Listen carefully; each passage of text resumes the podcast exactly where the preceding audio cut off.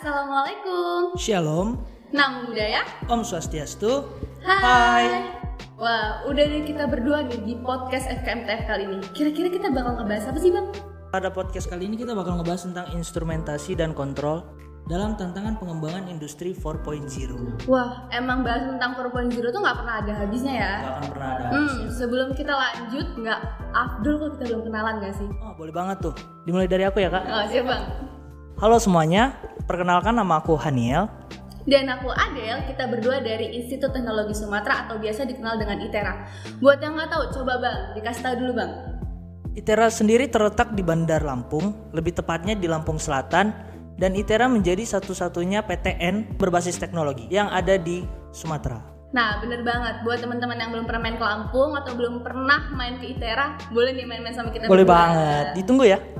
Nah, kita lanjut nih ke pembahasan yang awal tadi. Eh, bentar dulu Kak, sebelum kita masuk ke pembahasan, kita kedatangan bintang tamu loh, kita nggak cuma berdua. Bener banget, udah ada kursi kosong di tengah, masa dibiarin gitu aja sih? Nah, ini narasumber kita ini ya, merupakan salah satu dosen teknik fisika ITERA yang dikenal sebagai dosen yang ganteng. Keren. Keren. Dan yang terpenting nggak lupa pintar. Bener banget. Ngomongin soal pintar. Narasumber kita ini menempuh pendidikan S1 di Unimed Prodi Fisika dan S2 di ITB Prodi Fisika juga.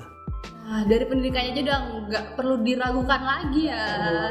Hmm. Langsung kita panggilin nggak sih? Ya. Daripada makin penasaran kepada Pak Albar harap Harap, dipersilakan, Pak. Halo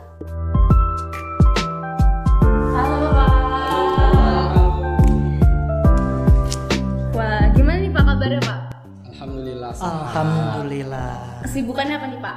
Kesibukannya lagi ngebuat eh, kesulitan untuk mahasiswa. Oh enggak ya? Oh, jangan dong.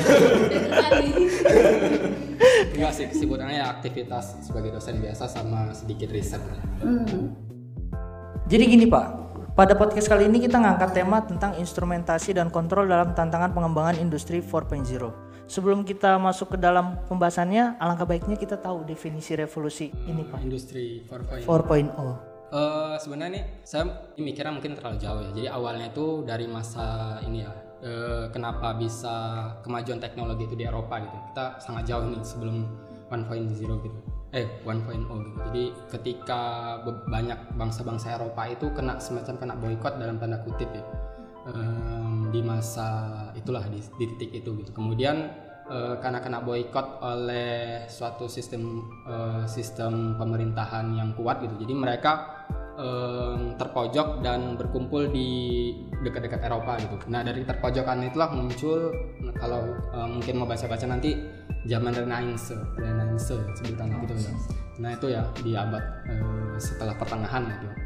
Di situ muncul perkembangan eh, banyak ilmuwan ya, banyak ilmuwan kemudian eh, karena banyak berkumpul ilmu- ilmuwan gitu, kemudian teknologi itu berkembang gitu. Nah dari situlah nanti eh, karena banyak penemuan kemudian sampai suatu saat muncul eh, penemuan untuk mesin uap ya, mesin uap itu kemudian itu merubah segalanya ya. Jadi banyak aktivitas yang awalnya dilakukan oleh manusia gitu itu bisa dilakukan oleh mesin yang saat itu eh, pakai tenaga mesin uap gitu, pakai tenaga uap ke penggeraknya. Jadi berkembang teknologi gear gitu ya. Eh, teknologi zaman itu gear itu teknologi gitu. Teknologi gear kemudian em, yang mungkin masih awal-awal gitu. Kemudian masuk lanjut ke revolusi yang dua gitu. ya. Kedua itu muncul ditemukan listrik gitu. Eh, energi baru. Jadi ini kayak perkembangan energi sih sebenarnya. Jadi perkembangan energi, energi listrik, mengimbangi perkembangan energi listrik ini muncullah eh, yang awal-awalnya sudah berkembang dengan eh, tenaga uap gitu ya. Eh, dengan adanya listrik ini eh, diadaptasi gitu. Diadaptasi yang awalnya keterbatasan-keterbatasan mesin uap itu bisa ditambal oleh si listrik ini. Habis itu eh, ditemukanlah yang kayak eh, transistor gitu ya. Transistor yang dia eh, dapat Nobel itu ya karena penemuan yang luar biasanya itu baru muncul mengawali itu sebagai pengawal ya revolusi 3 itu yang berkaitan dengan komputer gitu tuh ya. Kita udah belajar lah ya di teknik fisika gitu dasar-dasar yang kayak seperti semikonduktor ya gitu ya dimulai dari dioda kemudian nanti masuk ke transistor itu gunanya sih di teknik fisika gitu. Belajar-belajar bagian yang dasar-dasar gitu untuk bisa mengikuti bahkan berinovasi di zaman eh, di setiap zaman gitu ya. Nah sampai itu uh, itu muncul komputer ya. Kemudian zaman kalau society-nya jadi ada dua ya gitu. Ada industri, ada society, ada kemasyarakatan gitu. Jadi si uh, industrinya ini mengimbangi kemasyarakatan. Seperti sekarang ya society manusia kayak kita gitu hidup uh, udah terbiasa dengan menggunakan smartphone gitu ya. Itu karena industrinya udah industri 4.0. 4.0 itu banyak ya dia integrasi yang utamanya gitu ada yang kita sebut sebagai cyber physical system nanti mungkin kalau di selanjutnya mungkin dibahas ya cyber physical system kemudian itu ada yang berkaitan dengan jaringan kemudian ada yang big data ya big data. Jadi e, kalau yang saya tangkap saya dari saya baca-baca itu poinnya tiga itu sih. Cyber physical system itu menyatukan antara dunia maya dan dunia nyata. Jadi inilah nanti yang jadi gambaran e, revolusi fight ya 5. Oh gitu ya 5.0 itu. Jadi perkembangan selanjutnya ini gitu. Mungkin sementara itu dulu nanti Nah Pak, kita nih kan sebagai warga teknik fisika nih Peran TF sendiri nih Pak dalam perkembangan 4.0 nya gimana sih Pak? Sebenarnya ini saya tarik ya dari pengalaman pribadi gitu ini pengalaman pribadi gitu saya dari fisika tadi udah jelasin S1 S2 fisika kemudian tiba-tiba masuk teknik gitu jadi yang saya ceritain dari mulai situ aja gitu ya uh, ya di fisika saya dapat benar-benar dasar ya. Jadi ketika saya mengajarkan materi-materi dasar itu mudah gitu di fisika ya. E, mau ngajarin sedikit sedikit-sedikit kuantum boleh gitu, ngajarin sedikit-sedikit bahkan yang elektronika dasar boleh gitu ya. Tapi ketika dikasih mata kuliah yang dia kayak kontrol gitu ya, saya tahu, saya pernah make gitu, tapi struktur pengetahuan saya untuk itu tuh nggak nggak nggak bagus gitu. Jadi saya tahu saya pernah make gitu. Itu salah itu jadi gambaran ya, jadi fakta fakta nyata lah ya terutama uh, apa namanya buktinya diri saya sendiri gitu bahwa teknik fisika itu punya keunggulan yang pertama dia punya basic science yang kuat di bidang fisika gitu ya utamanya apalagi di ITERA kita kenal namanya TPB ya hmm. TPB itu uh, menganut ya lah kayak orang tuanya ibunya ITB gitu jadi harapannya si mahasiswa ini mau dia prodi atau jurusan apa pun dia kuat basicnya basic science-nya. Kenapa uh, basic science-nya ini ingin dikuatkan supaya dia bisa berinovasi dengan mudah gitu. Kalau dia misalnya punya cangkul, ini awal eh, diibaratkan cangkul, dia punya cangkul, dia kita punya tanah yang lebar gitu, dia bisa gunakan cangkul ini untuk apa aja gitu. Asal dia punya bekal uh, tahu tahu itu cangkul dan cara menggunakannya gimana. Itu kayak basic science ya. Walaupun analoginya tidak terlalu baik ya. Jadi itu kalau yang saya tangkap ya, utamanya dari cyber physical system yang menyatukan komponen fisik dan komponen maya ya komponen fisik dan komponen maya itu gimana kita uh, mensensing gitu merasakan kemudian uh, gimana kita merubah merubah hasil sensor itu dalam bentuk-bentuk digital ya. Kemudian um, mengkomunikasikannya lewat jaringan itu gimana gitu. Itu kalau di teknik fisika bener saya uh, belum ada setahun gitu ya di teknik fisika ya bergabung dengan keluarga teknik fisika itu yang ngerasain oh mereka dapat semua gitu ya di teknik fisika gitu. Yang nggak saya dapat di fisika di fisika saya cuma dikasih gini-gini ya saya ngerjain topik A ya tahunya saya di daerah A gitu. Tapi di teknik fisika ya benar-benar dapat semua lah e, bagian utamanya di cyber physical systemnya ya menghubung, uh, menghubungkan dunia nyata dengan dunia maya. Makanya oleh sebab itu kan kita lagi jalan satu riset kerjasama di pusat utamanya saya gabung di pusat riset uh, kecerdasan buatan. Saya juga uh, bareng ada satu mahasiswa teknik fisika ITERA, kemudian beberapa mahasiswa informatika dan mahasiswa lainnya itu ngerjain suatu proyek. Ya ya kaitannya itu otomasi um, masih rahasia sih tapi lah ya kisi-kisinya otomasi it, otomasi dan yang kedua adalah covid. Pokoknya dua ini. Nanti uh, doakan lah di bulan Desember bisa menyelesaikan riset tersebut. Gitu. Amin. jadi bisa membawa nama baik utamanya TF Amin. Oke pak. Tadi kan sudah dikasih tahu definisinya sama sedikit disinggung sejarah revolusi industri hmm. ini. Terus peran TF kira-kira penerapan apa sih pak yang kita rasain selama ini? Khususnya secara langsung di bidang industri ini industri 4.4 4 ya 4.0 lah ya 4.0 kita sebutnya. Itu sih uh, smartphone ya kayak smartphone yang ya ya smartphone sih yang utama yang dekat paling dekat dengan kita ya. Ya smartphone. ya, jadi kalau saya lihat di YouTube-nya di YouTube di YouTube X lah gitu ya itu kalau jumlah smartphone itu di, dikumpulin gitu ya di seluruh dunia itu bisa sampai atau dijajarin gitu ya. katanya bisa sampai mengelilingi uh, bumi uh, eh, 8 kali gitu. Itu saking banyaknya jumlah smartphone gitu. Jadi smartphone itu kan integrasi banyak uh, ini ya, banyak teknologi ya. utamanya di 4 poin uh, teknologi revolusi uh, produk dari revolusi 4 uh, 4.0 ini ya. Jadi dia dapat di situ uh, sensing ya, sensing dia ya paling sederhana kalau kita lagi nelpon, kemudian layarnya mati gitu. Itu paling sederhana Iya. banget. Soalnya kalau kita lagi nelpon kemudian kepencet-pencet oleh kulit ini ya, dia kan memang dia uh, nanti jadi kuliah deh jelasin jelasin LCD-nya. Kan ilmu Iya. juga pak. Iya itu ya. Jadi dia merasakan ele- apa? Ya e- elektron jadinya. nah ke situlah ya. Nah ke situlah ya nanti jadi kuliah ya. Paling yang kita rasakan itu sih yang bisa saya sebutkan. Jadi dari dari teknologi smartphone itu muncul banyak inovasi ya, terutamanya kayak eh, transportasi online gitu ya. Kemudian nanti transportasi online-nya ada kaitannya dengan revolusi selanjutnya ya. Kemudian em, peta online gitu ya. Jadi kita nanyanya itu em, nggak ada lagi istilah, wah saya nggak tahu mas, saya baru di sini gitu nggak ada ya. Jadi tinggal lihat cet Google kecuali nggak ada paket ya. Ini ada paket tapi walaupun ada kan ada paket bantuan sih.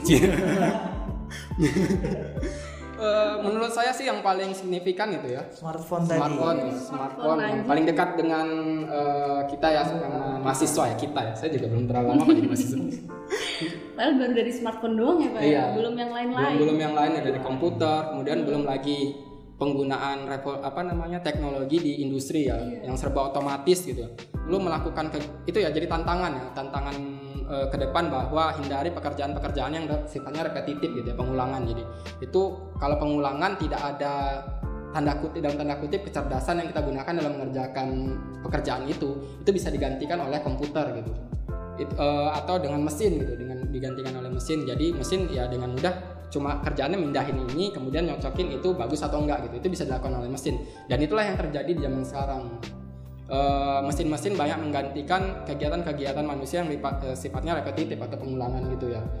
Itu juga sebenarnya revolusi ini eh, de- dari revolusi 1.0 itu juga udah banyak ini ya udah banyak eh, pro kontra lah gitu ya yang kontra bahwa yang skillnya eh, tidak bisa mengimbangi perkembangan revolusi ini ya eh, demo gitu ya demo kami nggak dapat pekerjaan gitu itu gitu sih Eh, aplikasinya di yang dekat dengan kita kemudian yang sama industri gitu. Hmm, lanjut nih Pak ya. Hmm. Kan dari tadi kita udah ngomongin masalah instrumentasi dan kontrol. Hmm. Gimana sih Pak arah perkembangan dari instrumentasi dan kontrol itu pada industri 4.0 sendiri? Oke, arahnya itu jadi ini saya cerita sedikit ya. Gitu saya masuk tadi eh, sebelum acara ini mulai kita udah ngobrol-ngobrol dikit ya. Iya. Jadi jadi pertemuan saya dengan eh, pertemuan kedua atau pertemuan saya pertama kali dengan eh, Pak Eko ya koordinator eh, teknik fisika ITERA yang lama itu yang ketika di ITERA ya. Nah, maksudnya pertama di ITERA gitu, bukan pertama kali seumur hidup itu, pertama di ITERA gitu. Nah, itu langsung beliau ngasih bar kamu kalau mau S3 Cyber Physical System itu udah langsung gitu. Cyber Physical System udah beliau langsung nulis jadi beliau nyeritain gitu kan. Eh, ya beliau saya anggap eh, salah satu dosen yang apa ya sampai saat ini masih panutan lah gitu ya. Eh, ide-idenya itu sangat luar biasa gitu jadi beliau punya eh, dasar pengetahuan yang kuat ya dasar pengetahuan yang kuat. Kemudian mengembangkan suatu ide itu bisa ya. Mengembangkan idenya eh, dia punya ide mengembangkannya bisa. Karena dia punya skill untuk mewujudkan ide itu jadi nyata gitu ya. Jadi dari pertemuan itu beliau kasih tahu gitu kan cyber physical system itu Um, Oke, Cyber physical system itu kalau yang dari situ tadi seperti saya sebutkan ya, komponen pertamanya adalah sensing ya. Sensing. Jadi di teknik fisika sendiri atau khususnya di instrumentasi dan kontrolnya itu kita belajar tentang bagaimana merasakan eh, lingkungan di sekitar manusia ini ya. Kemudian setelah itu dirasakan, kemudian kita olah sedemikian rupa dengan proses yang sangat rumit. Ada mata kuliah tertentunya gitu, banyak yang dapat C mungkin ya di mata kuliah situ. Ya saya sih ya gitu. ya saya saya nggak gimana, saya juga dulu dapatnya nggak terlalu bagus itu. Jadi kita yang khawatir ya. Nah gitu ya. Jadi udah kita berhasil sensing, kemudian kita berhasil olah. Jadi kita pilih mana data yang kita inginkan, mana komponen fisik yang kita inginkan, mana noise gitu ya. Kita udah belajar noise nanti. Eh, harusnya ya di metode pengukuran. Mungkin nanti oleh Pak Amri kayaknya. Oke. nah seperti itu ya. Udah kita udah belajar itu. eh saya mana tadi? Pengukuran ya, pengolahan, pengolahan datanya ya. Oke, sampai pengolahan datanya, kemudian datanya didigitalisasi ya. Untuk uh, selanjutnya kita manfaatkan uh, sesuai keperluan. Nah itu peran instrumentasi kontrolnya itu ya itu tadi. Mulai dari mensensingnya ya gimana teknik mensensing. Kita belajar di metode pengukuran yang untuk kalian yang di 2018 gitu ya. Kita belajar bahwa dari peristiwa-peristiwa kuantum gitu ya atau dari peristiwa-peristiwa sederhana gitu kita bisa merasakan atau mengkonversi besaran-besaran fisik tuh kan jadi bahasanya buku gitu. Besaran-besaran fisik menjadi besaran-besaran listrik gitu ya. Jadi itu caranya gimana? Ngomongnya sih mudah gitu ya. Mau apa uh, sensing mengubah besaran fisik menjadi besaran listrik. Tapi kan wah beda ya. Kayak udah belajar juga ya beda komponen beda komponen fisiknya beda kom, beda cara merubahnya ke listrik gitu ya. Kayak uh, banyak kayak suhu gitu ya nanti kayak basisnya termokopel ataupun misalnya um, level air gitu dan dan kapasitor dan lain sebagainya gitu. Dan kontrolnya itu juga di teknik fisika belajar ya itu saya rasain ya. Saya kembali lagi bahwa saya rasain bahwa ketika saya di sains gitu saya nggak belajar dengan detail bagaimana itu kontrol ya kalau di uh, kalau kalau oke. Okay. medannya keluar jadinya. Kalau di teknik fisika belajarnya runut jadi laptop laptop 1, 2 dan 3 dan 4 itu. E, mulai dasar elektronika. Kemudian di laptop 2 kalian dapat dasar-dasar kontrol ya. Sampai akhirnya kontrol sekuensial yang di akhir ya. Walaupun di akhir sampai di akhirnya itu e, harusnya kalau kita nggak terkendala pandemi ya, itu bahkan sampai ada kontrol robot tangan lengan robot ya. Itu udah udah udah ada dananya dan udah ada rancangannya, tinggal dicetak dan dikirim kemari. Tapi karena pandemi e, ITB itu tutup maksudnya tutup dan tanda kutip ya. Tutup karena nggak uh, nggak apa nggak mau ngambil resiko untuk pandemi jadi kegiatan itu terhambat itu kan. Uh, kita uh, banyak didukung oleh teknik fisika ITB ya. Jadi ya itu sih. Jadi di lab tes 1, lab 2, 3 kemudian di tiga kalian belajar tentang kontrol yang mulai otomatis ya kita pakai apa namanya misalnya kayak PLC nanti ada PID kita mengaplikasikan banyak sensor kemudian kita olah kemudian kita timbang-timbang. Nah proses timbang-timbangnya itu nanti dikontrol gitu. Feedbacknya bagaimana kita butuhnya apa gitu. Mungkin oke pak. Pertanyaan selanjutnya. Kira-kira apakah industri 4.0 ini sudah diterapkan pada instrumentasi dan kontrol? Um, kalau di Indonesia ya, industri itu yang saya baca ya saya baca atau saya tonton lah gitu sedapatnya saya itu ada satu industri otomotif yang pakai uh, otomasi pemasangan komponen-komponen mobilnya gitu ya. Itu ada gitu. Tapi kalau di luar negeri itu udah jamak digunakan untuk yang otomasi mesin kemudian uh, penjagaan kualitas dan pengetesan kemudian mungkin pencetakan dan lain sebagainya. Tapi uh, sekali lagi itu sih nanti mungkin kaitannya dengan pemerintah ya. Ini lagi jual apa um, apa bahasa Indonesia itu bahasa Medan. Lagi semangat ya lagi lagi semangat semangatnya menghadirkan uh, investor ke Indonesia gitu. Supaya uh, membawa teknologi ke Indonesia mereka kan udah punya industri dan udah punya teknologi ya. Itu dibawa ke Indonesia kemudian dikembangkan di Indonesia baru putra putra putra putri terbaik Indonesia berkontribusi ke situ kemudian menjadi tercerdasan. Mungkin yang saya tangkap itu gitu untuk yang kondisi uh, revolusi industri di Indonesia. Kalau ngeliat dari implementasinya sendiri nih Pak, kan perkembangan instrumentasi dan kontrol tuh bakal dibawa ke mana sih Pak? Apakah bakal mengikuti revolusi industri versi selanjutnya hmm. atau bakal stuck gini-gini aja Pak? Jadi dasarnya kan karena karena kebutuhan manusia ya, kebutuhan manusia. Kalau nanti mungkin kalian baca-baca itu ada namanya Jepang baru merilis namanya Society 5.0 gitu ya. Jadi um, ya salah satu produk-produk teknologi ya yang yang gambarnya adalah buah yang tergigit gitu ya. Nah itu uh, sudah mulai me, apa namanya sudah mulai merintis itu ya. Uh, apa namanya kita bahas society-nya dulu ya society uh, 5.0 itu. Jadi semuanya serba otomatis gitu. Jadi uh, ketika di revolusi ini gitu di revolusi 4.0 ini di titik ini kita udah bisa mensensing kemudian merubah data-data fisik itu menjadi data-data um, komputer gitu data-data digital ya. Kita udah berhasil itu kemudian udah perkembang muncul perkembangan uh, simulator gitu. Jadi anak-anak teknik yang lain nggak perlu belajar teknik yang gambar-gambar gitu. Udah ada uh, misalnya software uh, 3D dan lain sebagainya kemudian belajar simulasi. Nah itu saya merasakan manfaat uh, dari adanya simulator. Jadi kalau yang nggak eh, nggak terlalu eh, nggak terlalu pintar ya nggak terlalu pintar teoritis gitu atau hitungan eh, oh ya ini jadi tiga ya. Minimal teknik itu punya tiga. Ini briefing dari Pak Eko sih Itu pertama kali saya datang gitu. Minimal tiga gitu yang pertama dia harus pintar eh, hitungan. Yang kedua eh, bisa pilih dari dua ini komputasi. Yang satu lagi instrumentasi gitu. Jadi minimal harus punya tiga ini. Jadi bar kamu itu kalau kurang saya lihatnya gitu kalau kurang jago di hitungan minimal kamu bisa simulasi. Makanya itu jadi karena kita udah punya semua poin-poin tadi itu ya udah eh, udah bisa merasakan kemudian udah bisa merubah kemudian bisa mulai memanfaatkan gitu ya Nah, yang nantinya ke depannya revolusi 5.0 ini saya lihatnya dari society eh, 5.0 yang dicetuskan oleh Jepang gitu ya. Itu ya pemanfaatannya lebih luas ya. Pemanfaatannya lebih luas em, misalnya em, sebagai pokoknya mesin itu punya kecerdasan buatan yang lebih meningkat lah dibanding sekarang itu kan kaitannya revolusi 4.0 kan dengan kecerdasan buatan kecerdasan buatan ini mereka tingkatkan lagi gitu jadi hingga bisa berkomunikasi dengan manusia gitu dan memahami manusia itu sendiri gitu. Jadi batas-batas antara fisik dan digital itu hampir tidak ada gitu. Nah itulah sedikit eh, gambaran untuk perkembangan ke depan. Nanti kalau mau baca-baca itu itulah society eh, 5.0 nan- dan nanti dari situ kita bisa lihat oh kira-kira industrinya nanti akan seperti ini gitu. Kalau dari situ muncul eh, lemari pendingin yang bisa memberitahu bah- eh, bahwa sebaiknya hari ini makan ini gitu atau meminum ini untuk kesehatan Anda. Berarti ya untuk kesehatan Anda dan tanda kutip ya. Berarti dia udah punya data apa yang kita makan sehari-hari ya.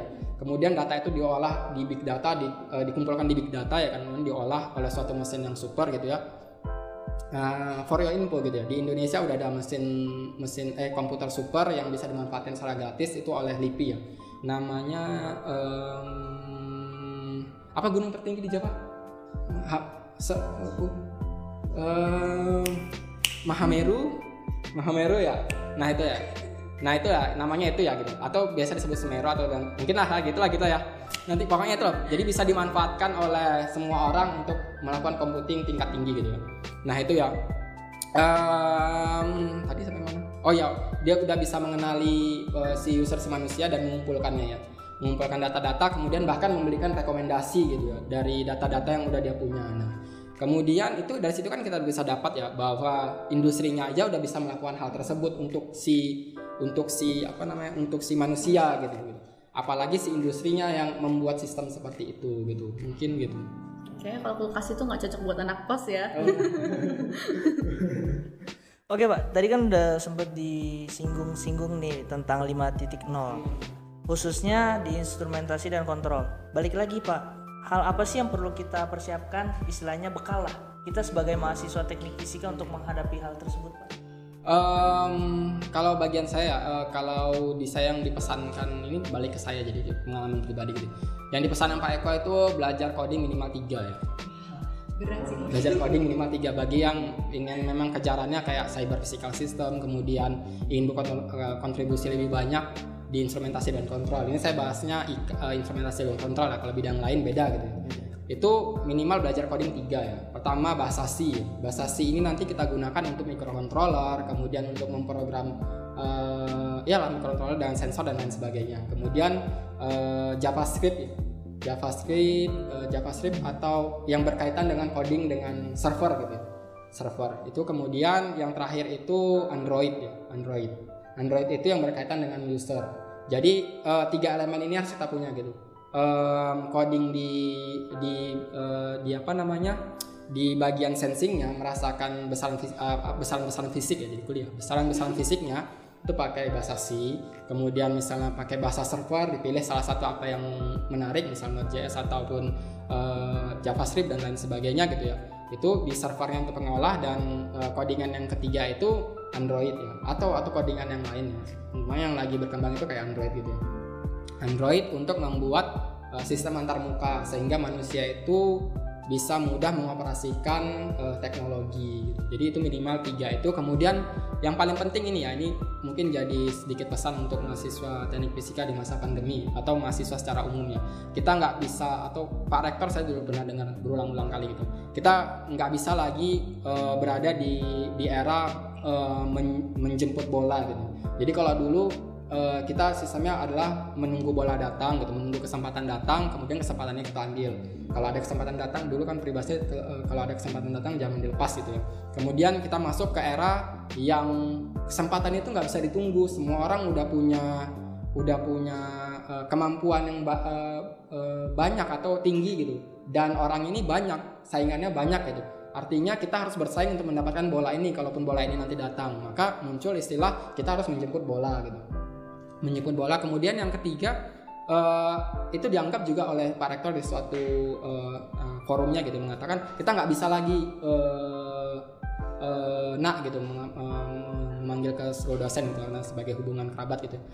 Tidak bisa lagi um, menjep, menunggu bola itu eh menjemput bola ya menjemput bola. Kita harus membuat bolanya mengambil kesempatan. Jadi kaitannya dengan mahasiswa teknik fisika itu ya di masa pandemi ini uh, kalian utamanya sebagai mahasiswa nggak bisa lagi hanya menerima materi dari dosen gitu. materi dari dosen itu sifatnya hanya pengetahuan umum dan sangat dasar gitu. Nah, ketika kalian ingin berkembang, ketika kalian ingin bisa berinovasi gitu ya, kalian harus mulai uh, menumbuhkan rasa penasaran gitu bagaimana dari dasar-dasar um, dari dasar-dasar ilmu ini uh, muncul ide-ide. Kemudian ide-ide ini kalian realisasikan dan itu harus terjadi gitu. Jadi nggak bisa lagi um, oh materinya ini udah selesai. Oh tugasnya nge-review kuliah. Ya udah kerjain aja gitu. Terus habis itu kumpul gitu. Kumpulnya lagi ngerjain H-10 menit lagi gitu. Itu itu harus ditinggalin ya. Kalian ini pesan saya mungkin ya. Kalian nggak nggak nggak hidup di zaman seperti saya hidup gitu. Ketika kalian tetap seperti itu kita punya ini saya khawatir gitu kita punya bonus demografi di tahun 2030 dan 2000 sampai 2045 perkiraannya perkiraannya gitu ya bonus demografi itu adalah peledakan jumlah uh, jumlah manusia produktif gitu. Sementara kita berhadapan dengan society 5.0 gitu, di mana manusia itu tidak terlalu dibutuhkan untuk melayani atau melayani manusia dalam tanda kutip ya gitu. Jadi gimana kita Indonesia yang punya banyak manusia, kemudian berhadapan dengan society uh, eh, 5.0 yang tidak membutuhkan manusia dalam tanda kutip gitu ya. Nah, artinya ya kita kalian utamanya generasi selanjutnya itu harus mengembangkan diri gitu. Gimana kalianlah yang men, yang menjadi kreator, menjadi inovator, eh, inovator di uh, penciptaan teknologi industri uh, eh, 5.0 itu gitu. Artinya nggak bisa hanya sekadar nunggu kuliah atau kuliah sambil main PUBG, kuliah sambil main Mobile Legend gitu. itu nggak bisa gitu gitu. Itu saya ingatkan berulang kali. Kalian tidak hidup di masa saya hidup dulu semasa menjadi kuliah dan itu nggak bisa kalian lakukan gitu. Saya merasain bahwa saya dulu melakukan hal tersebut gitu tapi tantangannya tidak terlalu besar ketika saya hidup di sekarang gitu. Saya tetap bisa beradaptasi. Ada ruang saya untuk atau ada selang waktu saya untuk beradaptasi. Tapi kalian enggak gitu. Kalian dihadapkan dengan uh, waktu yang sangat cepat sebelum pada akhirnya kalian harus dilemparin jep gitu ke dunia nyata yang itu sudah 5.0 dengan kemampuan kalian yang misalnya 3.0 gitu. Itu kalau kalian tetap bertahan kepada uh, materi yang dari dosen berikan. Berarti gitu. saingan mahasiswa tuh sebenarnya nggak cuman dari sesama mahasiswa hmm. juga ya Pak. Jadi dari teknologi juga hmm. kita harus terus bersaing. Hmm. hmm. Wah nggak kerasa nih Pak, ternyata waktunya udah habis, cepet banget ya. Hmm. Hmm, mungkin dari Pak Bara mau nyampein closing statement nih buat teman-teman semua. Uh, apa ya? Mungkin saya udah tadi banyak sedikit um, banyak pesan-pesan. Mungkin sebagai penutup um, kalau yang dari saya perhatikan itu dari sisi pemerintah ya sebagai pemegang eh, regulasi gitu. Uh, pemerintah mulai dari zaman Pak SBY gitu sebagai uh, bentuk bahwa uh, Pak uh, Pak SBY sudah memandang beberapa tahun ke depan itu uh, butuh banyak SDM yang berkualitas gitu ya. Maka muncul ide uh, pembangunan ITERA dan ITK kemudian sehingga sampai uh, munculnya prodi uh, teknik fisika ya Kemudian um, di zamannya sekarang Pak Jokowi uh, udah kita perhatikan ya banyak uh, fokusnya di infrastruktur, kemudian uh, investasi banyak mengundang calon-calon um, apa pemilik teknologi dari luar masuk ke dalam, kemudian um, itu sih. Jadi uh, regulasi sudah di sudah diatur gitu sedemikian rupa sudah ada kebijakan kemudian sudah ada ruang untuk kalian nanti uh, ber, bekerja gitu ya harapannya ke depan nanti. Jadi tinggal kalian nanti sebagai masyarakat kemudian sebagai masyarakat uh, kemungkinan society 5.0 nanti mungkin kalian sudah berkeluarga dan lain sebagainya harapannya ya dari sekarang itu dibentuk ya kayak tadi ya. Dibentuk skill-skill apa yang dibutuhkan tadi ya tadi sudah saya sampaikan tiga poinnya tadi itu yang cyber physical system kemudian network kemudian um, itulah tadi satu itu nanti um, big data ya big data itu kemudian uh, itu silahkan dicicil-cicil silahkan ketika ada tugas misalnya seperti RBL ruang kalian berinovasi ruang kalian mengembangkan ide itu dimanfaatkan gitu tetap uh, kuliah sebagaimana mestinya walaupun masa pandemi itu sih untuk masa sekarang itu. Harus tetap semangat ya kuliahnya. Jangan disepelein berarti online ya. Iya benar. Mungkin segitu aja pertanyaan dari kami. Terima kasih Pak Bara untuk Sama-sama. Waktunya. Saya juga merasa terhormat ya. Iya Pak. Nah, buat teman-teman semua, jangan lupa selain nonton kita di sini, nonton juga podcast FKMTF yang lainnya. Oh iya Kak, sebelum ucapan salam terakhir kita ada jargon. Kita mau jargon dulu. Benar-benar. Mungkin Pak Bara juga bisa ikut ya. Boleh Pak? Oke. Jadi gini, jargonnya kalau nanti saya bilang teknik fisika ITERA, jawabnya Vivat, Vivat, Vivat F. Boleh. Tiga kali. Oke, tiga kali. Teknik fisika ITERA. Viva, Viva, Viva Kami undur diri. Wassalamualaikum warahmatullahi wabarakatuh. Dah. Ya. Terima kasih.